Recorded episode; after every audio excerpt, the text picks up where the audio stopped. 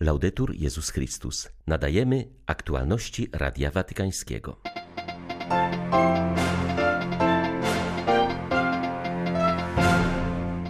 W dniach od 2 do 6 grudnia papież odbędzie podróż apostolską na Cypr i do Grecji, poinformowało Watykańskie Biuro Prasowe.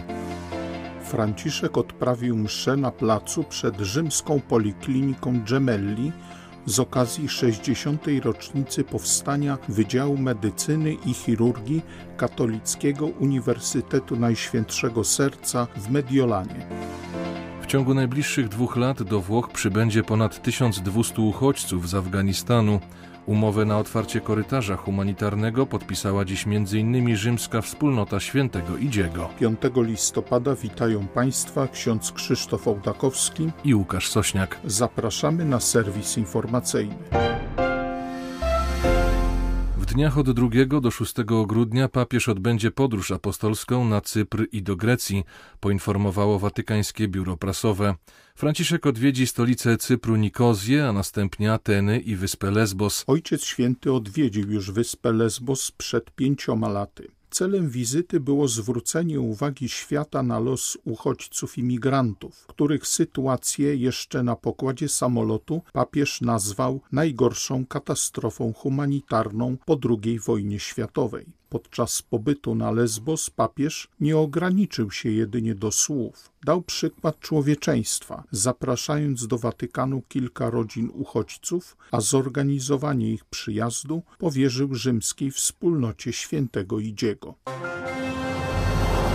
Kontemplując serce Jezusa, pozwólmy prowadzić się trzema słowami: pamięć, pasja i umocnienie powiedział papież w homilii podczas mszy sprawowanej w Poliklinice Gemelli z okazji 60. rocznicy powstania Wydziału Medycyny i Chirurgii Katolickiego Uniwersytetu Najświętszego Serca w Mediolanie, dla którego Poliklinika Gemelli jest szpitalem naukowym i dydaktycznym. Franciszek zwrócił uwagę, że serce Chrystusa ukazuje nam Jego nieskończone miłosierdzie, które wyraża bezwarunkową i bezinteresowną dobroć. Jego serce jest pełne pasji, zranione miłością, rozdarte dla nas na krzyżu. Ukazuje nam głęboką czułość Boga, Jego miłosną pasję dla nas. W swojej miłości i bólu to serce objawia, czym jest pasja Boga. Jest nią człowiek.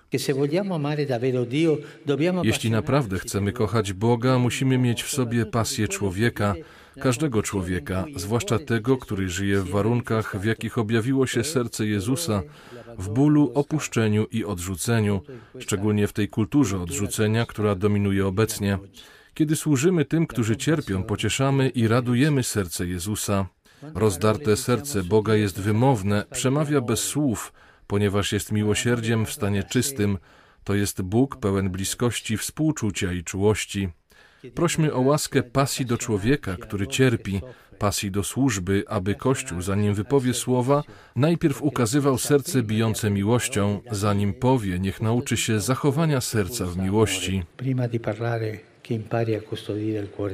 Ojciec Święty zauważył, że trzecim słowem wypływającym z kontemplacji serca Jezusa jest umocnienie, potrzeba przyswojenia sobie słów odwagi nie lękajcie się. Bóg jest większy niż nasze obawy, lęki, niepewność i zniechęcenie. Jeśli patrzymy na rzeczywistość wychodząc od wielkości Jego serca, zmienia się perspektywa, ponieważ jak przypomniał nam święty Paweł, poznajemy miłość Chrystusa, która przewyższa wszelką wiedzę. Zachęcajmy się tą pewnością, tą Bożą pociechą i prośmy Najświętsze Serce o łaskę, abyśmy z naszej strony byli zdolni pocieszać. Dotyczy to również przyszłości służby zdrowia, zwłaszcza katolickiej służby zdrowia. Niech Jezus otwiera serca tych, którzy opiekują się chorymi. Twojemu sercu, Panie, powierzamy nasze powołanie do opieki. Niech droga nam będzie każda osoba, która zwraca się do nas w potrzebie. Rektor Uniwersytetu Najświętszego Serca w Mediolanie podkreśla, że wizyta papieża Franciszka w Poliklinice Gemelli była potwierdzeniem wartości kultywowanych od samego początku przez obie placówki, a mianowicie znaczenia relacji między lekarzem a pacjentem w procesie leczenia, bez rezygnacji z najnowszych osiągnięć nauki i technologii mówi profesor Anneli.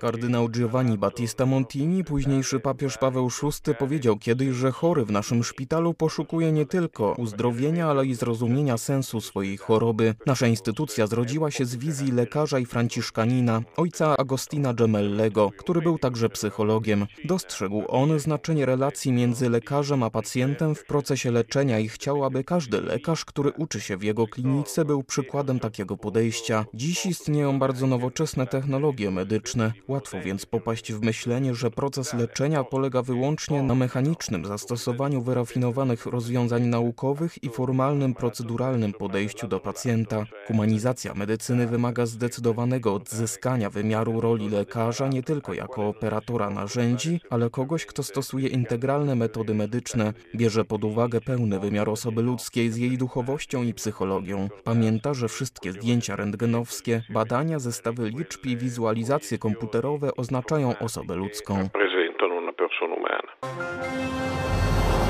Dziś wieczorem Ojciec Święty odwiedza Bibliotekę Watykańską i inauguruje otwarcie nowej przestrzeni wystawienniczej, gdzie z tej okazji stworzono instalację w stylu site specific pod tytułem Wszyscy ludzkość w podróży. W wystawie przywołane są refleksje zaproponowane przez Ojca Świętego w encyklice Fratelli Tutti. Biblioteka Watykańska otwiera nową salę wystawową, by wspierać kulturę spotkania. Naszym wyzwaniem jest wzmocnienie kulturowej roli Biblioteki Watykańskiej we współczesnym świecie, wyjaśnia kardynał de Mendoncia, pełniący urząd bibliotekarza Świętego Kościoła Rzymskiego.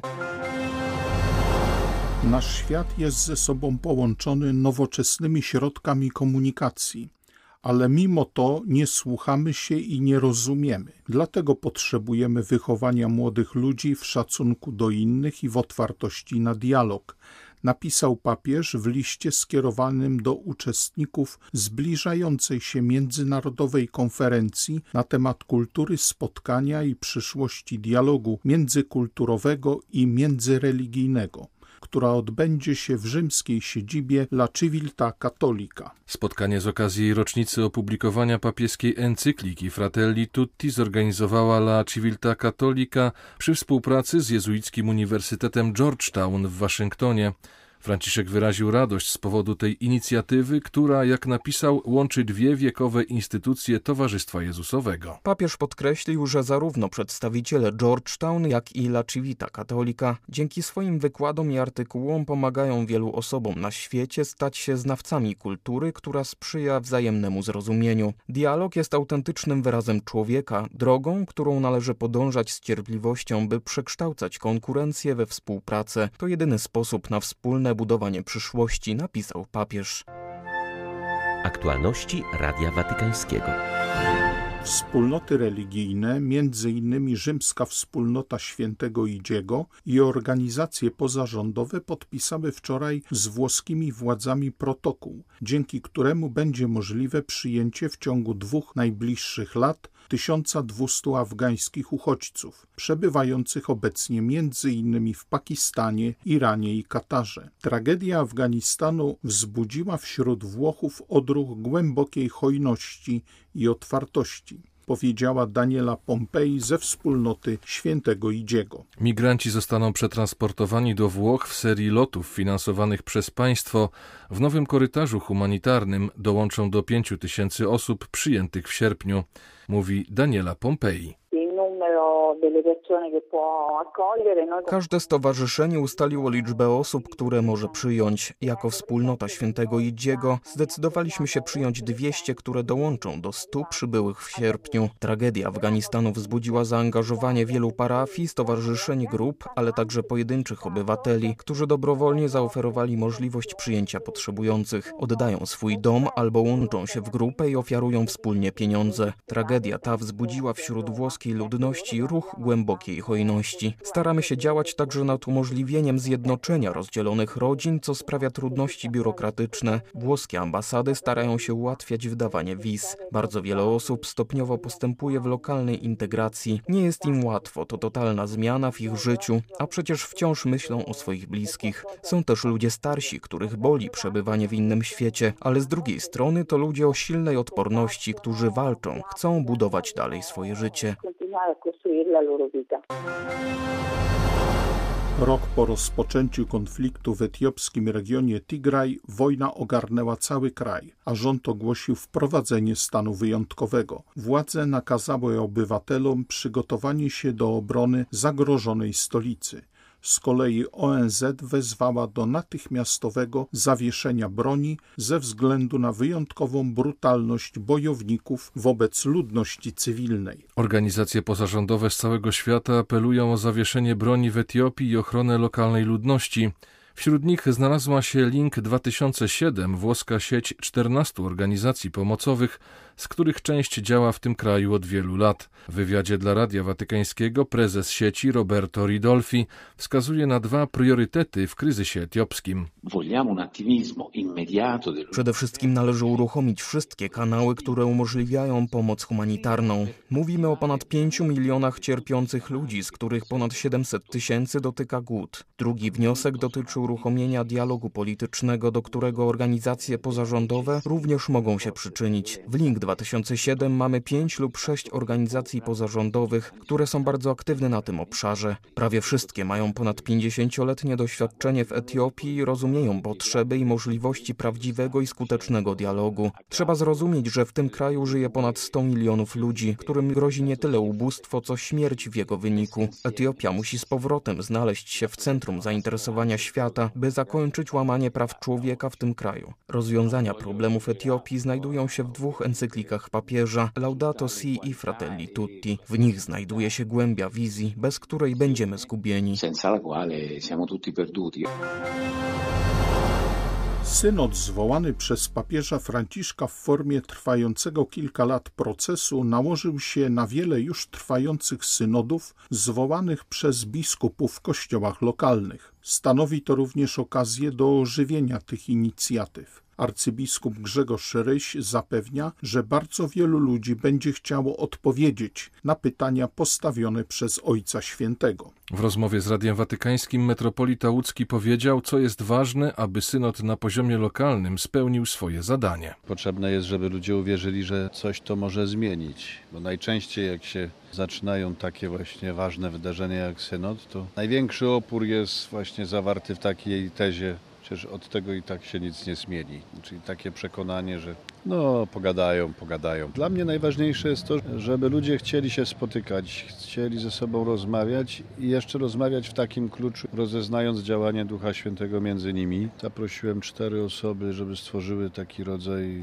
jak to się ładnie mówi, think tanku, także po to, żeby te propozycje pytań, jakie padają z sekretariatu synodu, przepracować odpowiednio, zobaczyć, które z nich w jakim stopniu stosują się do naszego kościoła. I to jest jedna grupa. Potem oczywiście z pomocą już tych ludzi wybraliśmy ponad trzydziestkę osób, które mogą być odpowiedzialne za synod w konkretnych środowiskach i to bardzo różnych. Ludzie zaczynają już ze sobą rozmawiać. Właściwie to jest kwestia wykorzystywania okazji, żeby nie tracić okazji, które przychodzą same. To można w dużej mierze zrobić w taki naturalny sposób zwykły, byleby tylko ludzie chcieli się zaangażować, rozumiejąc, że inaczej to będą jakoś funkcjonować obok kościoła. Tak? Jest coś, czym kościół żyje aktualnie jako niesłychanie ważne wydarzenie. No i można w imię tego, że ale my mamy swoje własne tam pomysły, programy uświęcone od lat, odpuścić sobie to, co się właśnie dzieje tak istotnie dzieje w kościele.